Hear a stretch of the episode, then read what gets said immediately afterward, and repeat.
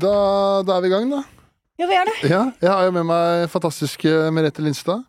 Går det, går det fint med deg? Jo, fint, altså. Ja. Jeg er på storbytur. ja, tatt hele veien fra Lillehammer. Ja, har det. Toget og Tog i to og en halv time. Ja, Det var det. ja, ja. ja. Eh, Jeg tenkte, For det første syns jeg det er veldig kult at eh, du tok den eh, turen fra Lillehammer, da. Eh, og så jeg tenkte jeg kanskje, kan du, For de som kanskje ikke vet hvem du er, da, kan, kunne du liksom introdusert hvem er du? Og så skulle du forklart det selv? Ja, jeg, jeg regner jo med at det er mange som ikke veit hvem jeg er. Det Ja. er sånn jeg liker det. Mm. Uh, nei, jeg er en helt vanlig skeiv dame på 54 som er komiker og leddgikk til fingre og lever livet. Nei da, jo, jeg er 54 år. Ja. Bor i Lillehammer. Jobber som standup-komiker, lokalpolitiker. Eh, jobber masse frivillig.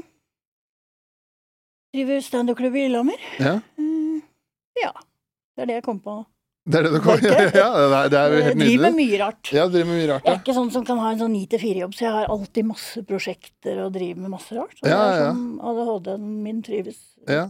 Men eh, har du lokalpolitikk? Ja. Ja, har du, når har du Det har jeg ikke fått med. meg. Nei, vet du, jeg gikk på en smell, altså. Oh, ja, du- du ble lurt, ja. Jeg ble, nei, ja, jeg, jeg, kanskje litt nei. Jeg ble ikke lurt, men altså, jeg ble spurt for tre og et halvt år siden om å være med i lokalpolitikken. Ja.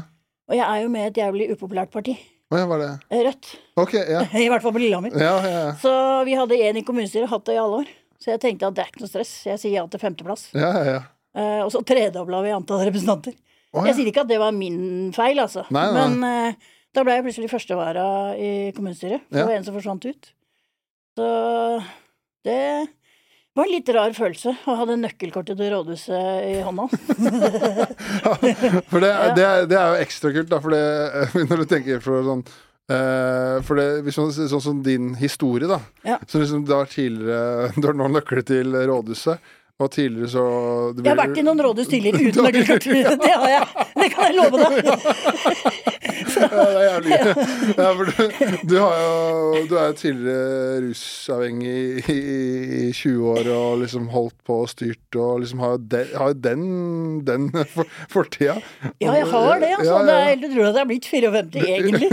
Men ja, jeg har løpt rundt i byen her i, fra midten av 80-tallet fram til eh, 2008. Så Ja. stakk jeg til skogs for å dra i behandlingen tidlig. Ja, ja, ok, Så var det liksom i 2008? Ja, jeg hadde vært i, i behandling noen ganger før det også. Ja. Tre-fire ganger. Men det var mer sånn kortvarig, varte ikke så lenge. Nei. Så dro jeg til Lillehammer 2008. Og dro inn i Tyrili igjen. Ja. Og så, etter litt for mange år kanskje, i rehab, så flytta jeg ut i egen leilighet i Lillehammer. Ja. Men jeg bodde i Tyrili nesten ti år, Så Det er vel tragisk, egentlig. Og du gjorde det? Eller tragisk er feil ord, Ja, men ja, jeg jeg var veldig lenge. Ja. Men jeg hadde jo noen fordeler, for jeg kommer fra Frogner bydel her, så jeg fikk bare en sånn telefon fra Nav Frogner hvert halvår. 'Vil du fortsette å være i rusbehandling?' Ja, sa jeg. Og så fikk jeg fornya vedtak. Ah, det, det, må jo, det er jo Det er jo Er ikke det bare bra? Er Det er ikke tra tragisk, det? Nei, nei da, men det er bare sånn hvis folk hører 'Å ja, du har bodd i i nesten ti år', ja. Du flytta jo rett før det du var ni år og åtte måneder. Men, eh, nei, men jeg trengte det, da. Jeg var Ja. jo helt uh, ko-ko og nedkjørt fysisk og psykisk når jeg Ja. kom inn i 2008. Men, men har du vært uh, rusfri siden 2008 nå? Eh, Ja, på det jeg liker å si eh, de farlige narkotiske stoffene. ja, ja, Jeg skal være helt ærlig og si at jeg har tatt meg en joint uh, et par ganger. Det har jeg gjort. Ja. Men, og det står jeg fint for. Ja, Men ja. eh, jeg har ikke rørt heroin eller kokain eller amfetamin, noen av de tingene. Det har jeg ikke. Nei. Det kommer jeg ikke til å gjøre heller. Det er jeg ganske trygg på. Ja. Jeg er så ferdig med det der greiene. Det må jo være en veldig deilig følelse, da. Er det? Ja, det er en ganske befriende følelse, i hvert fall. Mm. Å slippe sånn Nesten hver gang du får motgang i livet, eller det skjer noe kjipt, så er det sånn at det er rus som er første tanken, da. Ja. Den er litt digg å slippe. Ja, for den er jo helt borte. Ja, mer eller mindre, altså. Ja. Det er i hvert fall ikke det første som faller meg inn. Nei. Når ting går dårlig, at ah, nå setter jeg meg et skudd, så går alt bra. Jeg er ikke der mer, altså. Heldigvis. ja, ja, det For det er- går jo aldri bra. Nei, nei, nei det er det er veldig sant. Men, eh, det er jo, det er veldig eh, hyggelig å høre, da. Men det er sånn Er det da noe Det er mulig det her blir et dumt spørsmål, men er det, er det da fordi har, det har gått så lang tid, eller er det noe du lærte på rehab da, eller hvordan Det er både en kombinasjon av at det har gått lang tid, selvfølgelig, Mm. og naturlig nok en sånne klassiske metoder jeg har lært meg. Men det viktigste av alt er jo liksom at nå har jeg ting i livet mitt som er ålreit. Ja. Som er på en måte Når jeg løp rundt i byen her og bodde på gata eller bodde på hospits eller hvor nå enn jeg bodde, Så, og rusa meg, så var jo Livet var jo ikke så mye å skryte av, ikke sant. Og da, da var det flere grunner til å fortsette å ruse enn det var grunner til å finne på noe mer fornuftig, da. Ja. Mens nå har jeg såpass mye ålreit i livet mitt. Jeg har fått kjøpt meg egen leilighet. Jeg kan stå på scenen og fjase og tulle om livet mitt, og folk ler av det. Det er jo det gøyeste av alt. Ja, for det Så- skal jo sies, du er jo uh, ufattelig morsom på scenen nå, da. Ja, men det er hyggelig. Jeg Ja. glimter til innimellom, Ja. så går jeg på en smell innimellom når jeg plutselig ikke eh, husker hva punchline er for noe og sånn. Ja, det skjer oss alle, så det er jo Men sånn faglig så er jeg ikke noe dyktig standup-komiker, det mener jeg sjøl. Men jeg koser meg på scenen og får folk til å le, og da er jeg fornøyd. ja. Så et eller annet treffer jo, tydeligvis. Tror du liksom det er, øh, det er hovednøkkelen, at du har det nå bra i livet ditt kontra tidligere? Er det, ja. Helt klart. Helt Ja. klart. For det, øh, er det da Føler du at øh, Altså, er, altså standup er en stor del av det at du får, har, har det bra, liksom? Ja, er du gæren? Standup forandra livet mitt, egentlig. Det høres ut som sånn klisjéaktig, men altså, jeg var jo i rusbehandling når jeg meldte meg på standup-kurs i Reisa komikerklubb. Ja. Jeg tror jeg er den eneste som måtte søke permisjon for å dra på RDK-kurs. ja. det måtte jeg som måtte søke helgepermisjon okay. for å dra på kurs på skole på Sankthanshaugen Ja. med Jonny og Joakim. Ja. Og Yngve Skomsvold var innom, og jeg gikk på det kullet, holdt jeg på å si, med Marius Torkelsen, Alexander Økland og masse fine folk. ja, gøy. Så vi var 17 stykker eller noe på Ja. kurset. Og jeg hadde jo aldri gjort noe standup eller noe sånt, men jeg var litt svær i kjeften, da, for jeg ble utfordra fordi jeg hadde, altså når jeg kom i rusbehandling, så lå jeg rett ut på sofaen i fire år. Jeg kødder ikke. Jeg drakk litervis med cola, spiste mikropopkorn, full av medisiner, og hadde det egentlig ikke noe bedre enn da jeg bodde på gata. Nei. Men eh, det var liksom livet, medisinert og full av sukker, og så ble jeg utfordra på skal du ikke liksom komme deg ut i samfunnet igjen? Og så var jeg litt svær i kjeften og sa ja, jeg kunne tenke meg å prøve meg på standup-kurs. og så, eller jeg sa ikke kurs, jeg sa bare standup, og så ble jeg utfordra på det. Og så satt jeg der og faen, jeg visste jo ingenting. Jeg hadde, jeg hadde vært på Christian Kvart i gamle dager, liksom, og levert noe kokain til noen gamle komikere, og så gått ut igjen. Kanskje så første komikeren, og så stakk jeg, liksom. Jeg hadde ikke noe mer forhold til standup enn det. Og så var jeg også med en gang, vi var et stafettlag fra Tyrli som knuste Standup Norge en gang, det husker jeg. Eh, Da var vi på Latter, og sånn, ble invitert på en forestilling der. Men eh, det var egentlig den erfaringen jeg hadde med standup. Ja. Så jeg satt jo der, og jeg visste jo ikke at det var noe som het Reis deg komikerklubb heller. Så jeg tenkte jo Det er liksom flaut å si, da, men jeg, det jeg visste om standup, det var Elina Kranz, da. Ja. Da tenkte jeg ja, men jeg kan sende en mail til henne. Så jeg sendte en sånn Jeg husker ikke alt som sto der, men det var sikkert en sånn tåredryppende historie om fortida mi, og jeg vil gjerne prøve meg med standup. Et eller annet. For, lang mail, da. Men etter et kvarter så fikk jeg svar. Kjempehyggelig svar med kontaktinformasjon til Jonny. Eh, Med, med tips om å melde meg på Reisa komiker sitt kurs. Og så gjorde jeg det. Søkte permisjon og dro til Oslo en helg. Ja. Så de livredde på Tyrilin der som hadde sluppet deg fri i Oslo en helg. Ja, ja. Så, og så var det vel et par uker etter kurset hvor vi sto første gang på Josefine. Ja. Og det var de sju minuttene der, det var Jeg husker fortsatt den der første applausen jeg fikk. Ble jeg først veldig overraska. Og så var det var eh, det, Jeg har sagt før at det var bedre enn noe dop jeg har fått inn i verken årer eller neser eller i mitt liv, altså. Det var dødsdigg. Ja. Og den følelsen er like god i dag. Ja, Det, det er litt deilig å tenke på, da. så slipper jeg liksom å prøve heroin. For da har jeg liksom prøvd noe som Ja, ja, det er bare å kjøre standup istedenfor. Ja, er Mye billigere ja. og bedre for helsa og alt. Ja, ja, ja. Ja, helt klart. Ja, men det, det er jo Men det Du må jo kanskje Jeg vet ikke om du føler på deg selv, da, men det er jo jævlig kult på standup-scenen, da, som du sier, liksom du er da en uh, ja, en skeiv dame som har den historien du har. Altså, du har brytet deg inn i rådhuset, men nå har du nøkkelen til rådhuset. Altså, sånn der, Ja. Du har jo et uh, unikt perspektiv da på Føler jeg på livet og en litt annen historie som må være jævlig Det er jævlig kult å høre på deg når du forteller, da. Ja, Ja. det er ikke så mye Tinder-jokes og sånn i mitt materiale. det er det ikke. Men det er jo deilig å slippe. Og brudd og fødsler og sånn. Det tror jeg heller ikke man skal forvente hvis man kommer og ser på meg. Nei. Nei, men det er Ja. Det er livet og betraktninger på livet og ja. ja. Men eh, sånn som eh, det er, er det noe sånn herre når eh, eh, Liksom nå Når du liksom kommer inn i politikken og sånn, hvordan ser liksom en vanlig hverdag ut for deg nå? En vanlig, vanlig hverdag for meg er eh, at jeg står opp klokka åtte om morgenen, og så har jeg enten så er jeg frivillig hos Bymisjonen Lillehammer. Der er jeg et par dager i uka. Eller så er det noe Å lese noen kjedelige sakspapirer, da. Plan- og bygningsetatssaker eller noe sånt. Det er jo det er, det er egentlig tortur, men det burde man jo ikke si høyt. Men eh, Og så er det møter, og, og så driver jeg med mye lokalt i Lillehammer også. Ikke, altså, en ting er lokalpolitikk og frivillighet, og, og så driver jeg standup Lillehammer, og det er jo litt jobb, det òg, å drive sin egen klubb. Jeg tenkte at det bare skulle være gøy når jeg starta det, men eh, jeg skal ikke si at det er mye jobb, men det, er jo, det skjer jo noe hele tida. Mm. Så det Dagene mine er veldig forskjellige, da. Jeg har ikke like dager. Det, men det er litt bevisst. Ja. Jeg kan ikke ha for mange like dager etter hverandre, for da blir jeg helt tullete i huet. Jeg Ja. blir rett og slett sur av det. Jeg blir dårlig humør av det. Jeg må ha varierte ting å gjøre. Ja, ja. Men har du noen gang liksom sittet sånn og fundert over livet ditt nå, så ser du tilbake da 15-20 år, da? Og liksom, hvis du ser tilbake på det, har du noe sånn, tror du liksom at eh, Har du liksom tenkt du, Jeg kan ikke se for meg at du tenkte for uh, 15 år siden at du skulle være der du er i dag, da. Nei, nei, da hadde jeg ledd hvis noen hadde vist meg en sånn videosnutt. Her er deg i penthousen din på 30 kvadratmeter med to katter i Lillehammer, liksom. Ja. Dette er deg. Nei, da hadde jeg bare ledd. Hadde jeg ikke trodd på. nei. Nei, nei, nei. Men eh, hvordan var det liksom eh, Hvordan var det liksom du kom uh, inn i, i, i rusen? Eller hvordan, husker du liksom første gangen, og, og hvordan det foregikk? Ja, jeg husker veldig første gang jeg røyka hasj. Var jeg elleve år gammel. Eh, Da skulle ja, men da skulle jeg, ja, det er ikke sånn Det er mange tidligere rusavhengige som sier sånn 'Jeg har vært rusavhengig siden jeg var elleve år'. Det er ingen som er det. Nei. Ikke i Norge, i hvert fall.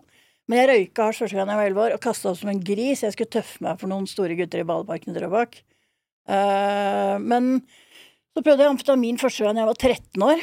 Det var eh, Da fant jeg egentlig en sånn bestevenn i tenåra, tror jeg. For Ja. da fikk jeg ro i huet, da. Så for meg så ble det en sånn selvmedisinering i ung alder. Eh, det var ikke det at jeg brukte ikke det fast når jeg var så ung, altså. Men eh, det var da jeg prøvde det første gang. Og så er jeg født med en sånn liten feildannelse i ryggen, så jeg sleit med mye smerter og sånn når jeg var ung. Så hadde første ryggoperasjon da jeg var 15 år. Eh, og da fikk jeg jo en del eh, gode opiater etter den operasjonen. Så da Det er jo tydelig, hvis jeg ser gjennom liksom ungdommen min, så skjønner jeg at jeg har liksom vært latent for å bli rusavhengig. Ja. Eh, så da For meg så har det alle åra fra jeg liksom var 15 år oppover vært en sånn balansekunst, da. Hvor jeg har tatt sentralstimulerende for å få kontroll på psyken, og så har jeg fått tatt opiater for å roe smerter og, og andre ting. Så, Men eh, du, synes du altså det amfetamin liksom ble sånn for å eh, roe ned tankene og hodet. Ja. Ha, ha, har du noe, er det sånn her, eh, har du noe sånn diagnose som har blitt Altså ADHD eller noe som har blitt på, altså vi, påvist seinere? Ja, jeg fikk ADHD-diagnose i begynnelsen av 30-åra, sånn på papir, holdt jeg på å si. Ja. jeg skulle kanskje hatt det tidligere. Men altså, jeg er født i 69 og gikk på skolen på 70-tallet. Ja. Og da var sånn Da var det jo MBD. Det var jo ikke, het jo ikke ADHD den gangen. Da het det MBD, Minimal Brain Damage. Skikkelig sånn eh, koselig og jovial eh, diagnose. Så, så, men jeg blei jo bare sett på som Jeg kommer fra noen pent møblert hjem i Drøbak, da. Så jeg blei bare Jeg husker at lærerne hviska og tiska bak ryggen min at jeg var sånn eh, bortskjemt drittunge. Og jeg var jo en ramp på skolen, så jeg var jo et urolig barn, da. Jeg tror det jeg var det. Eller jeg var det.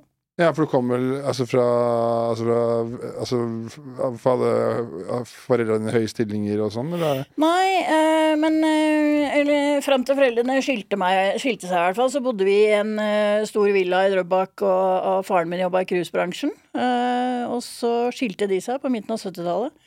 Flytta faren min til USA, så jeg har jo hatt uh, halve barndommen min i Drøbak og halvparten i Miami, på en måte, da, hos pappa og hans nye familie. Oh, ja, du, Så jeg har- har liksom veksla mellom Ja, ikke bodd fast, Nei. men jeg var jo der fast gjennom hele barndommen og oppveksten, da. Ja. Uh, så Men hvordan eh, Sånn som når du, hvis du var, da var i, i Drøbak, da. mm. Hva liksom var amfetamin og sånn som Fida til å roe ned? Hvordan løste du det når du var i Miami og hvor- Nei, der var det ikke noen måte å løse det på. Nei, nei, det var ikke Det var nei, det. nei, Nei, nei, jeg har aldri rusa meg der borte. Det.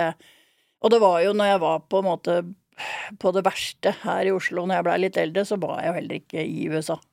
Jeg hadde jo dødsnoia for å Jeg kunne ikke ta med meg noe, eller eh, Og hvis jeg gikk på noen tunge medisiner, så var jeg jo livredd hver gang jeg tok de gjennom tollen i, i USA, ikke sant. Ja.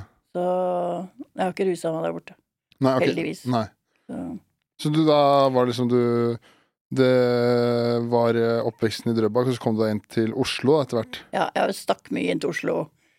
Uh, jeg har vokst opp med en mor som uh, var mer glad i alkohol enn ungene sine, tror jeg. Så jeg stakk av ofte til Oslo uh, når jeg var i tenåra. Og da var vi en sånn fin rampegjeng som vanka på gamle Østbanehallen. Eller det som heter Østbanehallen nå, da. Gamle Oslo S. Ja. Så vi fløy rundt der og lagde faenskap på begynnelsen av 80-tallet. okay, På midten av 80-tallet. Ja. Men tror du Det liksom var mye Oslo. Ja. Sånn som, sånn som jeg som eh, Jeg har, jeg bare, jeg har bare liksom kjenner deg i, i, i nyere tid. Ja. Det er så, liksom, så vanskelig for å se for meg deg som sånn der eh, Å drive med kriminelle ting og, Ja. og liksom, For nå er du jo liksom verdens hyggeligste dame og, Ja. Altså- det er hyggelig at du sier. Ja. jeg var ikke noe hyggelig før. Nei. Nei, jeg er gæren. Nei, jeg var. Men var det, du, du sa jo det med at du hadde vært inne i Christian Kvart og levert noen pose med cola der sånn. Ja, ja. Drev du også, drev du også Du brukte og solgte? Ja, jeg gjorde det. Og så jobba jeg som dørvakt mange ganger, så da sto jeg, og da hadde jeg alltid kvarting enten med amfetamin eller kokain under billetten, da, når jeg leverte ut i døra til faste kunder. Så, så jeg jobba som dørvakt i byen i ja, fem-seks år. Ok. Ja. Det er det er veldig gøy, da. Så det var god butikk, da. altså. Ja, ja, ja. Du fikk bra, det var bra timeslønn. Ja, det var bra timeslønn, det var det. Det var veldig god timeslønn. Ja, ok. Så, ja. Nei, men jeg har jo drevet med det meste som man driver med når man lever det livet. Det er jo det det er. Det er sånn Noen ganger når jeg prater med folk, og de spør og sånn, så er det sånn 'Å, har du drevet med det? Har du drevet med det?' Akkurat som det er noe For meg så er det helt naturlig, for alle jeg var sammen med, dreiv jo med det. Så for meg så var det jo naturlig å pushe eller kreve penger eller Fordi det var en del av, av det dagligdagse livet ditt, liksom. Ja. Det Men er havner du da så når, sånn, du sier du, Når du driver og selger og sånn, så må du jo få tak i det fra noen andre. Havner du da Jeg har ikke vært på Bama. Jeg har ikke vært på Bama. Bama? Ja, Bama, følger du ikke med? Nei, hva er det for noe? Alle de beslagene de har gjort på Bama. Bama. ja, ja, det nei, er nei. ikke meg, altså. Nei, nei, Ja, det, er nei, det var, nei. Ja, nei, ja, ja, det, det tok jeg bare Er det noe jeg burde vite? Er det Nei, forkortelse for noe? Nei. Ok, nei, men da henger jeg med. Men uh, havna du da på en måte inn i et slags kriminelt nettverk? Er det, eller blir det å overdrive?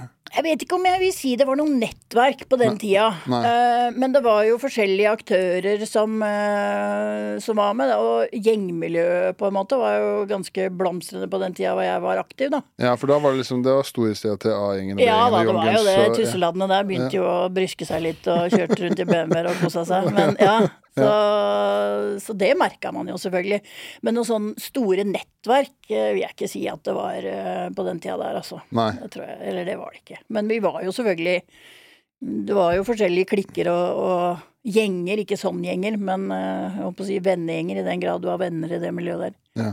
Så noe organisert var det jo naturlig nok, men ikke noe store nettverk. Det, Nei, så det var ikke, det var ikke, på en måte, du var ikke sånn pyramide, og så var du Nei. altså noe over Nei. deg, altså, så det var på en måte din ikke, ikke så Nei, Nei. det vil jeg ikke si. Så sånn der, eh, Når du drev med sånn pengeinnkreving og sånn, altså det, det, var det var pengeinnkreving for deg selv, eller var det for andre? Ja, jeg, jeg begynte med det litt tilfeldig, egentlig. En gammel dørvakt på Baronen som spurte om jeg kunne gjøre han en tjeneste. Og så skulle jeg bli med han ut i et hus i Bærum og hente noen penger han hadde utstående. Jeg tenkte jo ikke på det, jeg var 19 år gammel. Og jeg endte opp med å holde en dame fast på badet, for hun var gæren og han skulle prate med mannen hennes. Så viste det seg at eh, det var jo ikke sånn historien var i det hele tatt. Men jeg fikk 10 000 kroner for å være med og holde en dame rolig. Ja. Jeg gjorde ikke noe øh, voldelig, altså jeg har aldri vært voldelig mot damer, bare for å få sagt det. Det er litt viktig. Men, men øh, så fikk jeg 10 000 kroner da, for Ja, ja, den jobben, og da øh, Penger er penger, altså. Ja, Eller var jo det frister, det. Så jeg var mye sammen med han, og henta inn hos de som ikke hadde gjort opp for seg. Så Ja. var det litt sjøl òg, selvfølgelig. Ja, ja. Men sånn som når dere to holdt på med de pengekrevende greiene, var det noen ganger det var sånn Ok, nå gikk det, nå gikk det ikke som, plan, som planlagt, liksom? Ja. ja. Var det, er var det ofte, eller var det sånn Heldigvis ikke ofte, Nei. men det er ganske dritt når det skjer. Ja. Ja. Nei, ja, det, nei, det hørtes veldig rart ut. Nei. Men ja, selvfølgelig. Alt gikk ikke på skinner. Det gjør jo ikke i det miljøet der. Nei, nei. Men det Det er ikke... jo ustabile folk du har med å gjøre òg, ikke sant. Så Eh, Ja. du veit du aldri. Nei, nei. For det er ikke noen sånn spesiell hendelse du bare sånn ah, det var uh, jo, uh, ja, første jeg kom på, kanskje, er eh, Det var egentlig ikke noe pengeinnkreving. Det var bare at jeg skulle Fordi jeg fikk en sånn slags respekt i miljøet på et tidspunkt på slutten av 80-tallet Jeg tror det var nok også litt fordi at jeg var dame, og fordi at jeg var ganske tøff. Ja. Og satt meg i respekt, og så var det litt sånn 'Nei, vi slår ikke damer', og så var jeg «Eh, 'Det driter jeg jeg kan slå deg'. Sånn tullegreier, da. Ja. Men eh, jeg skulle være med en for å passe på en kompis en gang, som skulle forhandle med noen nevøer av disse Karoli-gutta. Oh, ja. uh, og jeg skulle bare være med inn i leiligheten og bare holde eh, stemningen rolig. Uh, så plutselig så stormer det sju-åtte stykker inn i den leiligheten. Uh, og tror jo at vi er der for å kreve inn penger av de, noe vi ikke var. Det vil jeg si var en litt ubehagelig opplevelse. Ja, det Ja. var ikke noe gøy. Da gikk det skikkelig dårlig. Okay, ja. Men ja, jeg har ikke så mange andre gode eksempler, egentlig. Fordi det er jo, eh, det er jo ting jeg ikke har blitt tatt for. Det kan jeg ikke sitte her og si. Nei. Jo, jo, jo. Det er en godkjent grunn, det. Altså. Men, men, eh, men, men, men jeg, jeg pleier å si når folk spør at jeg, ja, jeg har gjort det, og ja, jeg har krevd inn penger, og ja, jeg har vært et skikkelig rasshøl, men det i, Når du lever i det miljøet der, som er ganske beinhardt, egentlig, så må du jo gjøre det du gjør for å overleve, da. Eh, men jeg liker Eller jeg innbiller meg i hvert fall fortsatt at jeg ikke har vært et sånn skikkelig rasshøl, da, hvis du skjønner hva jeg mener. Jeg Mm. har, eh, hvis jeg har vært for å hente penger hos noen, så er det fordi de ikke har gjort opp for seg, og Ja. fordi de fortjente å få noen på døra som sa at 'nå må du betale'. Ja. Så ja. Jeg har hatt en eller annen moral oppi det allikevel, da. Ja. Det føler jeg at jeg har hatt. det blir Det er litt viktig for meg å tenke på nå, da. Ja, selvfølgelig. For det, jo, det er jo noe annet enn for Ellers Når man ikke gjør det for seg, ellers så blir det på en måte en slags Det høres ikke ut som du har vært noen uoppfordra raner. Altså, Nei, sånn, nei, nei, Nei, nei, nei. nei. det. Og det var jo, altså Når det liksom blomstra opp med litt sånn pengeinnkreving, og det ble kalt for torpedoer og sånt, på, som egentlig er et tulletord, men uansett, på slutten av 80-tallet og begynnelsen av 90-tallet Mye bola idioter som fløy rundt i byen her og lagde mye ugagn, da. Ja. Og gjorde ting som ikke burde ha blitt gjort. Nei. Så Det var kanskje lettelsen av du som kom på døra. ja, det jeg faktisk fått høre! Og så bra det var du! Var det en som sa en gang? Så ja, nei, det, ja, men det er fint, det. Ja, ja. Ja. Eh, men hvor lenge var det du bodde i, her i Oslo, Oslo da? Eller for, Jeg var jo her til jeg forsvant eh, oppe i skauen uh, utafor Lillehammer i 2008. ja, så holdt på her, her eh, ja. hele tiden? Ja. Men var det noen, noen perioder hvor det var bedre du hadde noe annen, eh, annen jobb, eller var det liksom Ja, jeg har hatt rusfri periode innimellom. Ja. Det har jeg hatt. Eh, hvor jeg har hatt jobber og vært i forhold og Ja. Og så har jeg har ryket utpå igjen eh, enten hvor det har blitt slutt i et eh, Jeg hadde et langvarig forhold, eller langvarig, men for meg, da, tre år. Ja, ja, ja. Og da, når det ble slutt, så gikk jeg inn i en sånn kjærlighetssorgkoma, tror jeg. Mm. Og da bare ga jeg opp, og så begynte jeg å ruse meg igjen og rett ut og bli kriminell igjen. Eh, men jeg har hatt sånne korte perioder, ja, hvor jeg har klart meg bra og Men problemet mitt er nok litt sånn Den ene rusfrie perioden jeg hadde også, så hadde jeg fire jobber, da. Så eh, det er noe med å finne Ja. den balansen. Ja. Ikke sant? Enten ruse seg og være kriminell, eller jobbe meg i hjel. Så det er det jeg liksom tror er nøkkelen til at jeg har det bra nå. At jeg har funnet en sånn balanse på Ok, det er ikke sånn at jeg må gjøre noe 24 timer i døgnet selv om jeg ikke ruser meg. Altså, Nei. det er ikke det som er løsningen, da. Ja, for det var det du tenkte. Hvis jeg klarer å fylle opp dagen Ja, nesten ja. med jobb, så Ja. slipper jeg å tenke på Ja. ru- rusen. Ja. Så har du liksom hele tiden hatt et ønske eh, underveis og holdt på om å bli rusfri? Ja. du har det hele Ja. tiden? Ja. Mange år gikk jeg på gata i Oslo og bare faen, dette orker jeg ikke mer. Nei. Eh, ja, jeg gjorde det, altså. Men var det noe, var det noe sånn der, eh, vendepunkt som gjorde det i 2008 at du da uh, bestemte deg for å dra inn i skauen på Lillehammer? Ja, men det var egentlig en helt konkret uh, greie som skjedde, som var grunnen til at jeg dro i tidligere da. Fordi at jeg, jeg hadde Det var en periode hvor det var mye drittstoff, heroin, i byen. Eh, og når man er heroinavhengig, så er man jo Så har man noen sånne snodige tanker, eh, og man blir litt tust i huet av det. Det er sånn derre jeg husker når jeg sto og pusha på Jernbanetorget i gamle dager, så sto vi og annonserte at vi hadde hatt flest over. Det er mange overdoser på dopet mitt, så var det et salgstrikk, ikke sant? Å ja, det, det er bra, altså. Ja, selvfølgelig. Ja. For da Å, det var fire som nesten daua i dag. Ja, ja, jeg vil ha en halv kilo. Nei da. Men uh, så hadde jeg tre overdoser i løpet av ti dager. Som var sånn på rappen. Eh, og den siste gangen jeg ble lagt inn på akuttmottak på Lillehammer, nei, på Ullevål, Så var det en sykepleier som kom bort til meg, husker jeg, og sa at hvis du fortsetter det kjøret her, Lindstad, så kommer du ikke til å overleve. Og det festa seg, da. Ja. Noe så innmari. Jeg hadde jo fått sånne tordentaler og alt mulig rart eh, i helsevesenet og politiet og sånn før, men den eh, festa seg skikkelig av en eller annen grunn, da. Ja. Og da gikk jeg noen runder med meg sjøl, og så tok jeg kontakt med Tyrili, og så faktisk, det er litt pussig, for det to kvartaler ned her var jeg innelåst i en leilighet i to uker før jeg dro på Tyrili. Hva var det Ja. Eneste oppgaven jeg hadde, var å ta trikken ned til, hjernen, nei, til, eh, jo, til Jernbanetorget på apoteket hver dag for å hente LAR-medisiner, og så opp igjen og låse meg inn i leiligheten. Og så ble jeg henta der etter to uker, så var jeg på hjemmeavrusing, da. Oh, ja. Og så opp på Tirli. ja. Så det var litt morsomt at vi sitter rett ved gamle leiligheten min. Ok, ja. Huh. Så det var jo Så du kan jo, ja, om vi kaller det vendepunkt eller hva det var, men det, det festa seg i hvert fall, det sa, da. Ja, det er Ja. For det, det Altså, så når du får overdose, er det da slags Altså, er det i, i, stopp, Stopper eh, hjertet og hele pakka der? eller? Ja, først pustesystemet, Ja. som eh, slutter å funke, og da følger jo resten med, holdt jeg på å si. Ja. Uh, Og så er det helt til du får motgift, og så når du våkner da, så er du bare sur. Fordi at en eller annen har redda livet ditt og fjerna russen. ja, men det er jo det. Det er jo skikkelig dårlig stemning. Ja, ok, Det er ikke det gøy å være ambulansesjåfør eller arbeider når du redder noen etter en overdose. Ja, det er er dårlig stemning, jobb. Ja, det er utakknemlig jobb. Ja. ja. Veldig. For man hører jo i hvert fall sånne, sånne historier som man hører, altså at det er eh, på grunn av eh, de man henger med og kontaktnettverket, Mm. som også gjør, eh, i tillegg til at man er selvfølgelig avhengig av stoffet, som også gjør at det er vanskelig å komme ut av miljøet, Ja. som gjør at man havner i en sånn slags ond sirkel. Følte du på det også, eller? Og så er det når du er midt i det og løper rundt i, i gatene i den byen her, og det er rus og krim som er eh, 24 timer i døgnet som er fokuset ditt, så er det jo ikke Du tenker jo ikke noen alternativer. Og det er jo ingen som kommer bort til deg, kanskje kommer en eller annen kristen tusseladd med bibelen en gang og sier 'vil du ha et nytt liv', men altså det er jo ingen som kommer og og, og hvis du da plutselig får det for deg at nå må jeg gjøre noe med livet mitt, så tar du kanskje kontakt med Nav, da. Og så er det sånn ja, vi kan skaffe deg en plass om ti måneder, liksom. Sett deg på venteliste. Så det er ikke så mye motivasjon å spore når du er midt i det, altså. Nei. Ikke for min del i hvert fall. Det tror jeg gjelder de fleste, egentlig. Ja. Men har du, noe, har du liksom hatt et sånt anstrengt forhold til f.eks. Altså, politi, offentlige etater og Nav, og, og sånn av måten, altså behandlingen og hjelpen du har fått?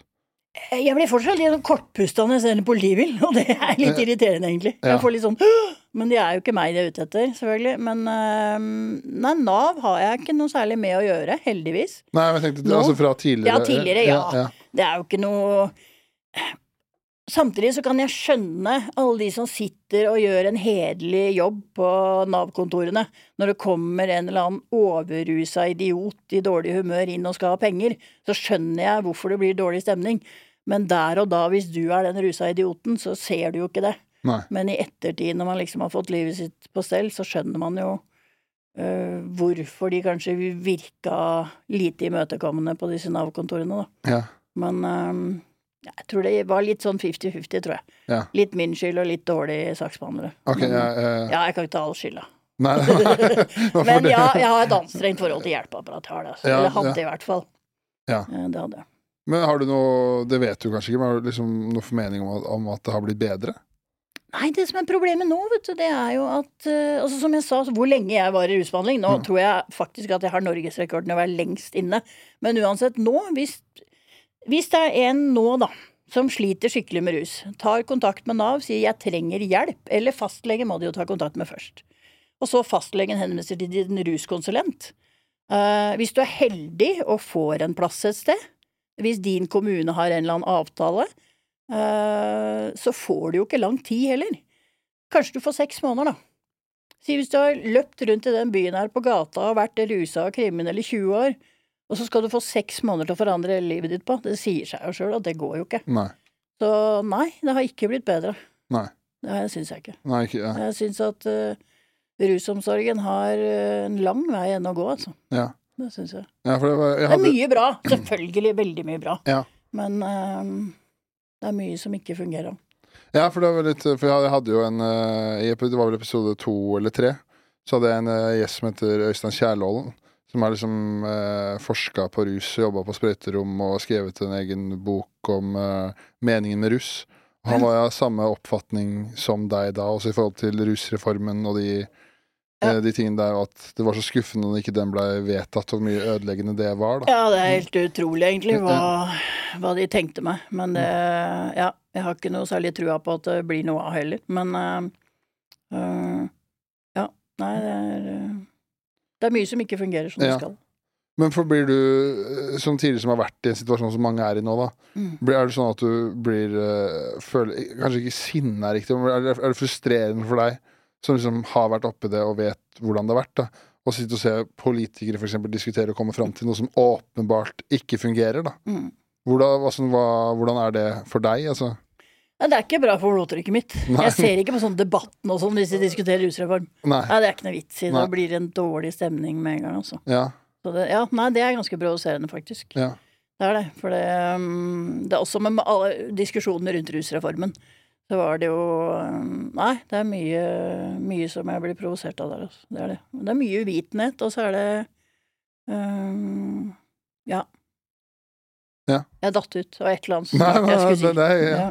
Men uh, det, det jeg tenkte For jeg, jeg, jeg satt og hørte også på Når jeg skulle forberede meg, så, så jeg hørte på Jeg, var, jeg tror det var kanskje podkasten Drivkraft òg.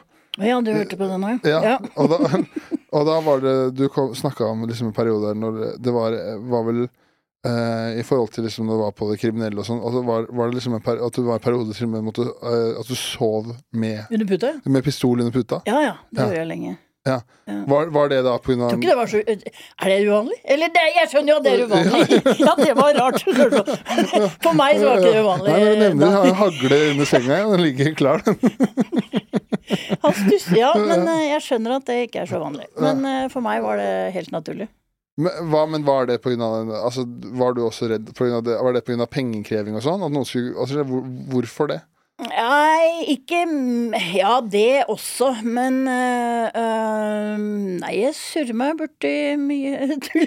Nei, men det var jo Altså, på den tida der, og det jeg snakka med han om, var jo rett og slett fordi at øh, øh, Når du spurte om dette her i stad med nettverk og sånn, jeg sier at det har ikke vært noe nettverk, men vi var jo på en måte en klikk som holdt sammen. Ja. Uh, og hvis det var en av de som eh, noen var ute etter, da, så gjaldt jo det alle, ikke sant. Så det var jo for beskyttelse, selvfølgelig. For, eh, å passe på meg sjøl. Og selvforsvar. Det var ikke det at jeg hadde behov for den så mye, men eh, det er en trygghet, da. Eller Ja. var en trygghet å ha den under puta.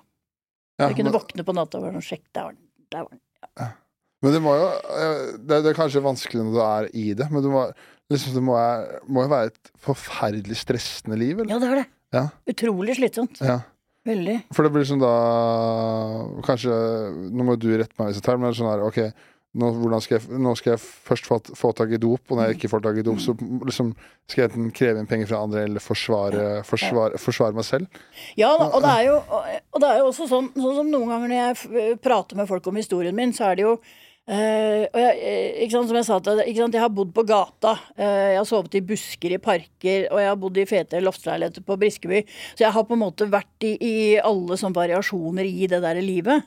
Uh, og jeg, jeg har selvfølgelig mange ganger vært der at jeg ikke har hatt en eneste krone når jeg våkna på morgenen, og ikke hatt noe friskmelding og ingenting. Og da må du bare ut og fikse det. Eh, og det er jo Når du er avhengig av eh, rus, eller illegale rusmidler, som du må ut på gata og skaffe, så må du naturlig nok være kriminell hvis du ikke har en jævlig godt betalt jobb, og det funker jo ikke som kombinasjon uansett. Men eh, det er et eh, Det er jo ikke noe ro. Det er jo et liv som går i ett jævla kjør hele tida. Ja. Og det er, ja, det er slitsomt. Men hva Har du noen formening liksom, om hva det gjør med syk, hva det liksom gjorde med psyken, og hvordan du følte deg? Ja Du eh, merker kanskje, Det blir kanskje normalt? Jeg vet ikke. For meg så var det jo normalt, men Ja. jeg merker det jo Jeg har jo merka det ganske lenge etter at jeg slutta å ruse meg. Hvor jeg har jo en del gamle spøkelser som jeg drar med meg, selvfølgelig. Ja. Så at jeg har fått en eller annen øh, PTSD eller et eller annet på grunn av ting jeg har gjort eller sett eller eh, hørt eller opp igjennom eh, livet, det er jo ikke noe tvil om. Men eh, det er jo et, et drittmiljø. Mm. Eh, det er mange som Altså, det, du hører aldri noen som snakker om 'Å ja, og alle de gode vennene jeg hadde i rusmiljøet i Oslo'. Det er ingen som sier det. Det er jo hver eh, mann og kvinne for sin dop, holdt jeg på å si, for å si det litt sånn flåsete, da. Nei, ja. Én ting er at det er et jævla ensomt liv, uh, og jævlig slitsomt. Uh, og når du Selvfølgelig tærer det på psyken når du hele tida må jakte på den neste friskmeldinga. Ja. I hvert fall når du er avhengig av opiater, så er du bare, du er bare så låst. Du har på en måte ikke du, Det er ikke sånn 'Jeg kan vente et par timer'. Det er, det nei, du har ikke de mulighetene. Nei. Det er det som styrer øh, og bestemmer hva du gjør, på en måte. Ja. Uansett, da. Ja, ja, ja. Og da har du ikke penger, ja, da må du skaffe penger. Ja, ja, ja, ja. Ja. Men er det var, det altså, var det på en måte en slags uh, natur Altså var det sånn en sånn naturlig progresjon? At det ble hardere og hardere rusmidler, eller er det bare sånn Nei, ja, for meg så var det Var det ikke Jeg gikk nå sånn rett på uh, det meste, egentlig, når jeg var rundt 16 år. Uh, men uh, så dro jeg på folkehøyskole et år, og der var jeg jo relativt eh, nykter, egentlig. Og så kom jeg tilbake igjen til Oslo i 88. Eh, og da hadde jeg liksom en bag i hånda og en halv søppelsekk. Hadde vært på folkehøyskole et år. Ja. Og visste at jeg i hvert fall ikke skulle tilbake til Drøbak-mora mi. Ja. Og så hadde det åpna et nytt skeivt utested i Oslo, så jeg dro dit med noen venner av meg. Og så var det noe bråk nede i baren. Eh, Så endte jeg opp av en eller annen tullete grunn med å kaste ut de fire som bråka. Og da kom han derre sjefen bort til meg og lurte på om jeg ville ha jobb. Så det var sånn jeg begynte å jobbe som dørvakt, egentlig. Ja, ja, ja. Så dagen etter jeg hadde kommet på bu med bussen fra Hønefoss Så eh, og da havna jeg på en måte midt i miljøet i Oslo igjen, da. Ja. Etter å ha vært borte et år. Så da var det rett på med en gang, det, med alt. Og justere riktig mengde sentralstimulerende opiater, og så ja. godt med hasj oppå det for å bare dempe Døve, ja. Ja. Men for det, det, er, det er jo mulig at eh, Føler du For det syns jeg er litt spennende. For, uh, var Oslo veldig mye annerledes enn det det var, er nå, eksempel? Ja. Altså, ok for, Ja, eh, eller ja, sier jeg. Hvordan, uh, Nei, altså, hvordan da, jeg, tenker jeg, du? jeg, nei, altså sånn uh, For jeg føler liksom ikke at det, det man Altså, jeg vet ikke hvordan jeg skal forklare det. For det, altså uh, Sånn som man Det er jo åpenbart masse nark som driver med narkotika, kriminelle Mm. i, i Oslo og sånn. Det er kanskje jeg, jeg er eh, naiv, da, men når jeg hører liksom, du beskriver Så høres det ut som Oslo var litt røffere da enn det kanskje er i dag. Jeg tror det er ganske røft i dag òg. Men jeg tror kanskje at det røffe ikke er så synlig for mange andre Ja. enn det det kanskje var før. Ok, ja, sant? Ja. Um, Jeg tror det er mer som foregår i det skjulte. Ja. Mer eh, Hvis jeg går gjennom Jeg kommer inn med toget og går forbi uh, borti Brugata, for eksempel. Ja, Eh, det så er- ser jeg jo på noen av de som står der, så skjønner jeg jo liksom tegninga på hvordan miljøet har blitt, da. ja. Uh, Og, og det- ja, og hvordan er det det miljøet har blitt? Med det? Nei, eh, for det første så, så ser jeg jo veldig tydelig på Det er veldig mange unge gutter med innvandrerbakgrunn Mm. eh, som blir utnytta i det miljøet eh, til det fulle, enten som runners med dop eller selger dop eller eh, Og der er det mye mer brutalt blant de yngre som er i miljøet. Uh, og så ser jeg jo merkelig nok noen av de gamle traverne som jeg fløy med oh, ja. for liksom mange år siden, som Ja. fortsatt lever. Det syns jeg er litt fascinerende. Og veldig hyggelig, selvfølgelig. Men uh, nei, jeg tror nok miljøet er mye tøffere i dag på mange måter, altså. ja. Det tror jeg. For det, det tenkte jeg jeg skulle spørre om, for det sånn som uh, i, i din tid, da. Mm. Hva er det da eh, Er det da veldig, veldig mye som skjer da, som for eksempel altså, som eh, noen som også bodde i Oslo på i 80-90-tallet, men så hadde La oss kalle det et A4-liv, da. Mm. Hvor, eh, for det, hvis vi kun får med seg ting gjennom eh, medier, eh, Mm. medier og nyheter og sånn, hvor, det, hvor mye mer er det som skjer som vanlige folk ikke får med seg da? Mye. Ja, det, det er mye, ja. Ja. For det, det, det kunne, dere kunne for eksempel Hvis det var det, kunne, det, var, det, var det var kanskje ikke noe oppslag i VG etter noe pengeinnkreving der? Nei, det var Nei. ingenting? Nei, Nei. det var ikke det. Nå er det jo en eller annen nettavis som plukker opp uh, hvis en eller annen har blitt stukket med en neglefil i rumpa i Otta, ikke sant. Ja, men det er jo alt skal jo skrives om. Ja, nei, ja det er et godt poeng, faktisk. For det er jo Og så var det nok mye mer som gikk under radaren før. Det var mindre politi, blant annet. Uh, nå er det mye Nå er jo politi overalt. Ja. Jeg skvetter jo så innmari av de bilene.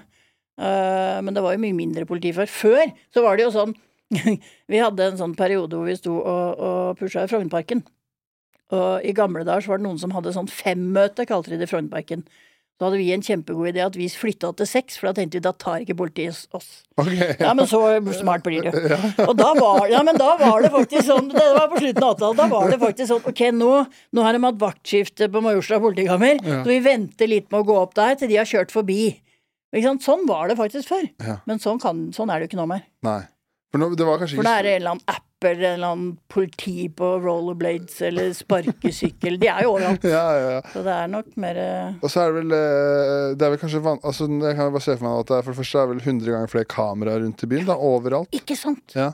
Så det Det er er jo vel dritt å pushe dum i den byen her nå. Det, går, det blir jo tatt. Eh, Det, ja, Ja. det var ikke noen kameraer i gamle dager. Nei, for jeg tror ikke du kan gå du, Det er ikke mange steder i Oslo du kan gå rundt nå uten at du havner på film et eller annet sted. Nei, det tror jeg ikke, altså. Nei. Det var jo ikke noen kameraer før. Så kan jo- sitter de sikkert og følger med på Facebook-chatter og Snapchat og Ja, ja, ja, alt sånt, så det må, jo være, det må jo være mye vanskeligere å holde på nå, da. Ja da. Jeg husker faktisk i gamle dager nede ved Jernbanetorget så var det ett kamera som alle visste om. Og det var jo fordi det sto et enormt skilt hvor det sto 'kameraovervåking'.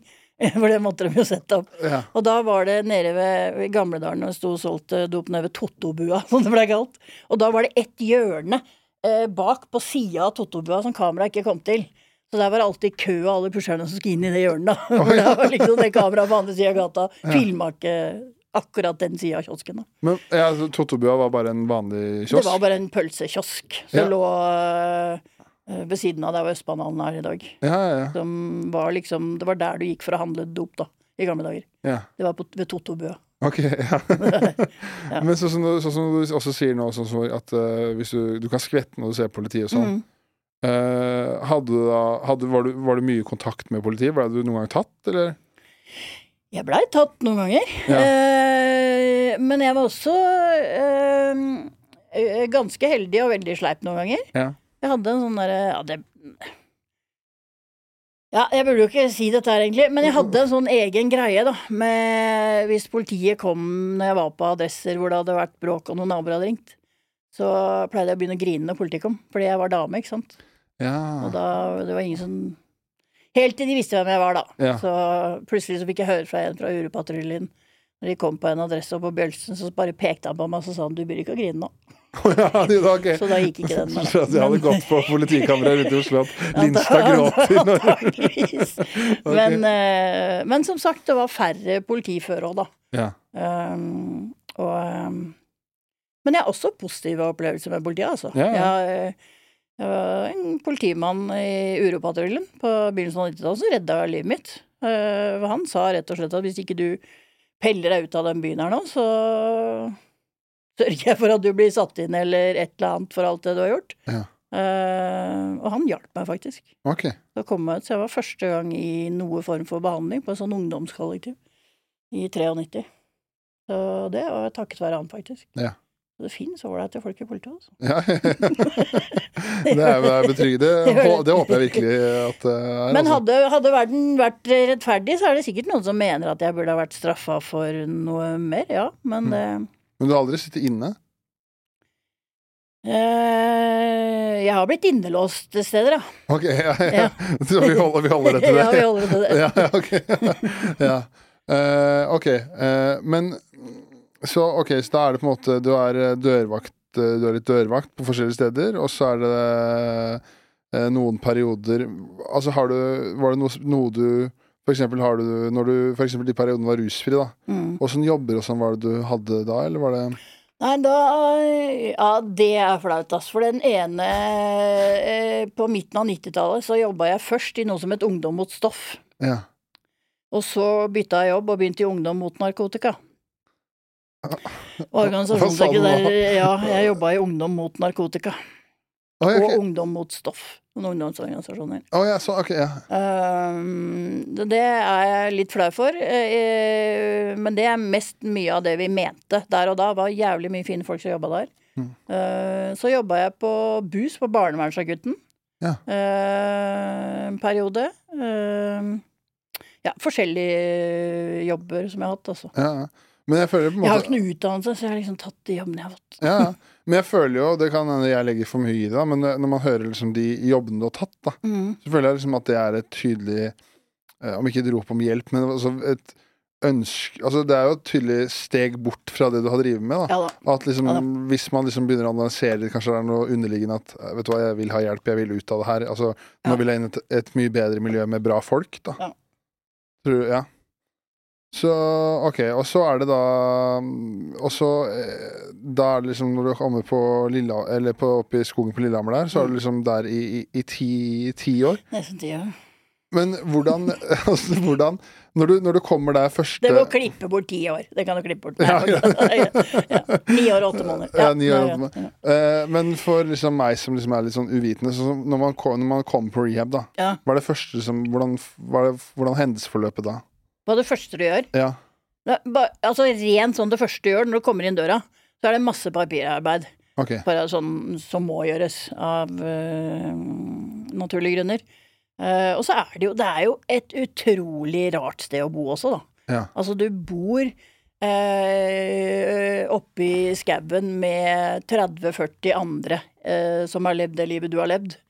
Som alle prøver å finne sin eh, nye vei i livet.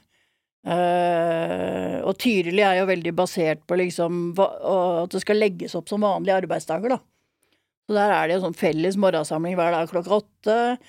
Og så er det felles vask av alle fellesarealer, og da spiller ingen rolle om du er sjef eller nyankommer, liksom. Alle skal vaske bak dassen en eller annen gang. Og så er det ar vanlige arbeidsdager, enten du jobber på kjøkkenet eller er vaktmester eller jobber på klatresenter i Tyrili eller et eller annet. Og så er det arbeidsdag fram til halv fire. Eh, men det er jo et, et lite samfunn, da. Ja, ja, ja. Det er jo en, eh, et spesielt sted å bo. Men Ja. for meg så var det veldig et fint og trygt sted å bo, da. Mm. Eh, og Tyrili har redda livet mitt flere ganger, og jeg er jo utrolig takknemlig for at jeg fikk muligheten til å bo der så lenge òg, da. ja, ja. Så det er et sært lite eget samfunn Ja. i rehab, og det er egentlig så er det ganske utrolig at det går. at det ikke er flere sånn At det ikke er flere drap i rusbehandling i Lillehammer, for nei, i Norge eksempel, det syns jeg er snodig. Ja. Når det er 35-40 stykker som noen har noe grums på hverandre fra gata, det er jo garantert. ja. Eh, men Tyrili er veldig gode på Det var lite type rus på huset og dårlig eller ubehagelige episoder. Ok. Så det går jo rundt på en eller annen måte. ja. eh, I et sånt fellesskap, da. Men det er jo veldig sært å bo sammen med 35-40 andre gamle junkiser. ja. Men det funka. Over, eh, overvekt av menn, eller? Ja, Ja. absolutt. Ja. Absolutt. Det er, jeg, kan, jeg kan bare se for meg at det må vel sikkert være mye mer menn, kanskje, som Ja. ja. Mye mer menn, mye mer treningsbukser og crocs og bo bowling enn uh, strikking. Ja, ja, ja, Ja, det er det. Ja. Men for det, det er ikke noe sånn eh, Sånn som du beskriver noe sånn arbeidsdag, det er ikke det sånn at man setter seg ned med en fagperson og får ok, det her er noen teknikker for å mestre ting og sånn? Jo, jo, og så er det jo Tyrili er jo ikke sånn type terapibehandling. Nei. Eh, men det er jo selvfølgelig grupper, og det er samtaler, og det er menneskekunnskapsdager og altså temadager, og det er jo behandling også. Men det jeg syns er fint med Tyrili, er at de har på en måte vekt på eh, Og det er, tror jeg er gullresepten for de fleste som har levd det livet der, da. Å få gode rutiner, øh, ha et oversiktlig liv, øh, ha en trygghet i livet, da. Og det, selv om det høres litt sånn flåst ut, så får du det med gode rutiner. Jo, Står opp på ja. samme tid og gjør ålreite ting i løpet av en dag. Mm. Og innimellom der så blir det putta inn selvfølgelig behandling, da. Ja. Med enten terapeuter eller gruppesamtaler eller ja. For det, det blir jo, det blir jo noe, noe annet igjen, og kanskje litt sånn der, dumt sagt, jeg vet ikke, men jeg, man, jeg tror liksom det er nøkkelen for at alle skal altså, altså På ulike nivåer, selvfølgelig, Ja, ja. men at alle skal ha det bra. At Ja, man er avhengig av noen rutiner. Altså sånn der, det er begrensa hvor gøy, hvor deilig det er å sove inn hver dag. Ja. Og ikke gjøre, Ja, ja. altså, det er to dager, det, så er man jo liksom sånn Ok, nå må vi tilbake Ja da, og du trenger ikke ha vært rusavhengig og kjeltring for å være hypp på rutiner og et trygt liv. Altså, det er, alle trenger det. Ja. Det Jeg tror det er gullresepten for de fleste, egentlig. ja. Det tror jeg er viktig. Men var det, noe, var det på en måte noe av den behandlinga eller pratinga på Tydelig som var sånn Ok, faen, det, som du har brukt senere, som liksom faen, det var en nøkkel for at jeg har klart å holde meg rusfri og har det bra nå og sånn? Nei, For meg så har det vært mye sånn konsekvenstenking, da, som har funka på meg. Ja. Uh, når jeg på en måte har sittet, enten når jeg satt oppe i skauen og bare nå gidder jeg ikke mer, dette orker jeg ikke mer, når det har blitt kaos i huet, eller Jeg har jo hatt en del sånn fysiske helseutfordringer også, etter at jeg slutta å ruse meg. Uh, så når alt på en måte bare Nå er det nok, nå gidder jeg ikke mer, nå gir jeg faen, og så reiser jeg til Oslo og ruser meg igjen. Så er det det å begynne å tenke konsekvenser, da. Ok, så stikker jeg, og så drar jeg ned til Lillehammer, så tar jeg toget til Oslo. Hva gjør jeg når jeg kommer til Oslo? Jeg bare gå gjennom hele tankerekka, da. Ja. har liksom blitt min metode. Det er sånn, ok, så går jeg av toget, så går jeg til Bugata, hva skjer da? Jo, jeg har ikke noe penger, nei, da må jeg ordne det, og så sånn, og så sånn. Så kommer jeg som regel ikke så langt på de, den tellinga, da, før jeg liksom Nei, jeg orker ikke. Det er ikke verdt det. Nei, det er ikke det. Nei. Eller det var ikke det. Nei. Så det har funka for meg, den konsekvenstenkinga. Ja, ja. Men eh, sånn som nå som du er så velfungerende og har det bra, og sånn, har du liksom nå eh, Har du nå eh, igjen et bra forhold med familien din og sånn, eller hvordan er det? Ja, jeg har, ja. jeg har eh, veldig ålreit forhold til Jeg har en søster Ja. Som jeg var ute og spiste pizza med nå før jeg kom. ja, virkelig. Ja. Eh, Vi har et veldig godt forhold, og så har jeg to brødre i USA eh, som jeg har et godt forhold til. Vi snakkes ikke så ofte, Nei. men det er liksom familiegreie, tror jeg. ja. Eh, Så har jeg, jeg mista min far for tre og et halvt år siden. Det var den største nedturen i mitt rusfrie liv, tror jeg. Da, og jeg sa i alle år at når jeg fikk spørsmål hva er det som kommer til å gjøre at du tipper over og begynner å ruse deg igjen, og da sa jeg alltid at jo, når pappa dør, så veit jeg ikke hva jeg gjør. Nei. Og så har jeg en stemor i USA som jeg ikke har kontakt med, og så har jeg ikke kontakt med min biologiske mor. Nei. Så jeg har på en måte to mødre som er rusavhengige, som jeg ikke har noe Gidder ikke å snakke med. Og det er helt greit. Ja. Det er min biologiske mor og stemor i USA. Ja. Men eh, også har jeg en tanter og kusiner og mye familie, altså. Mm. Eh, Jeg har jo også alltid vært sånn familiens sorte får, da. Men jeg har, eh, jeg har aldri på en måte Aldri rana familien, eller jeg Heldigvis, da. Ja, det er jo mange som dessverre har gjort uh, det. Ja. Så, så jeg har på en måte ikke hatt noe sånn eh, Jeg har ikke hatt noe Jeg har ikke måttet gå og be om tilgivelse. Selv om jeg sikkert burde ha sagt unnskyld til søstera mi et par ganger til. Men, men eh, Nei da, jeg har mye fin familie, altså. Jeg har det. ja. Men-. Men ble det på en måte Siden du hadde sånn eh, turbulent forhold til moren din, da. Ja. Ble det sånn at du og faren din ble ekstra knytta? Var det liksom derfor det var så ja, Eller? Ja, jeg tror nok jeg alltid har vært eh, pappas eh, gullunge. Det, eh, selv om kanskje ikke søsknene mine er helt enig i det. Men, eh, men jeg har liksom alltid øh, Faren min har på en måte alltid vært mye mer stas enn mora mi uansett. Ja, ja, ja. Så ja. Nå glemte jeg hva du spurte om. Nei, det, nei, det var, Ja. du, svarte, du svarte helt Ja, riktig på ok. spørsmålet. Er. Nei, det var bare i forhold til det forholdet du hadde med faren din, som Ja, for, var så bra. pappa var min store helt. Ja. Han var, ja, det var kjempe Jeg tar meg fortsatt i noen ganger hvis det skjer noe kult, eller bare sånn 'Å, nå må jeg ringe og fortelle pappa.' Og så var det nei. Ja. Den merker jeg fortsatt. Det tror jeg kommer til å sitte i en stund. Altså. Nå er det Ja, ja. jo Jeg blir fire år nå til sommeren. Ja.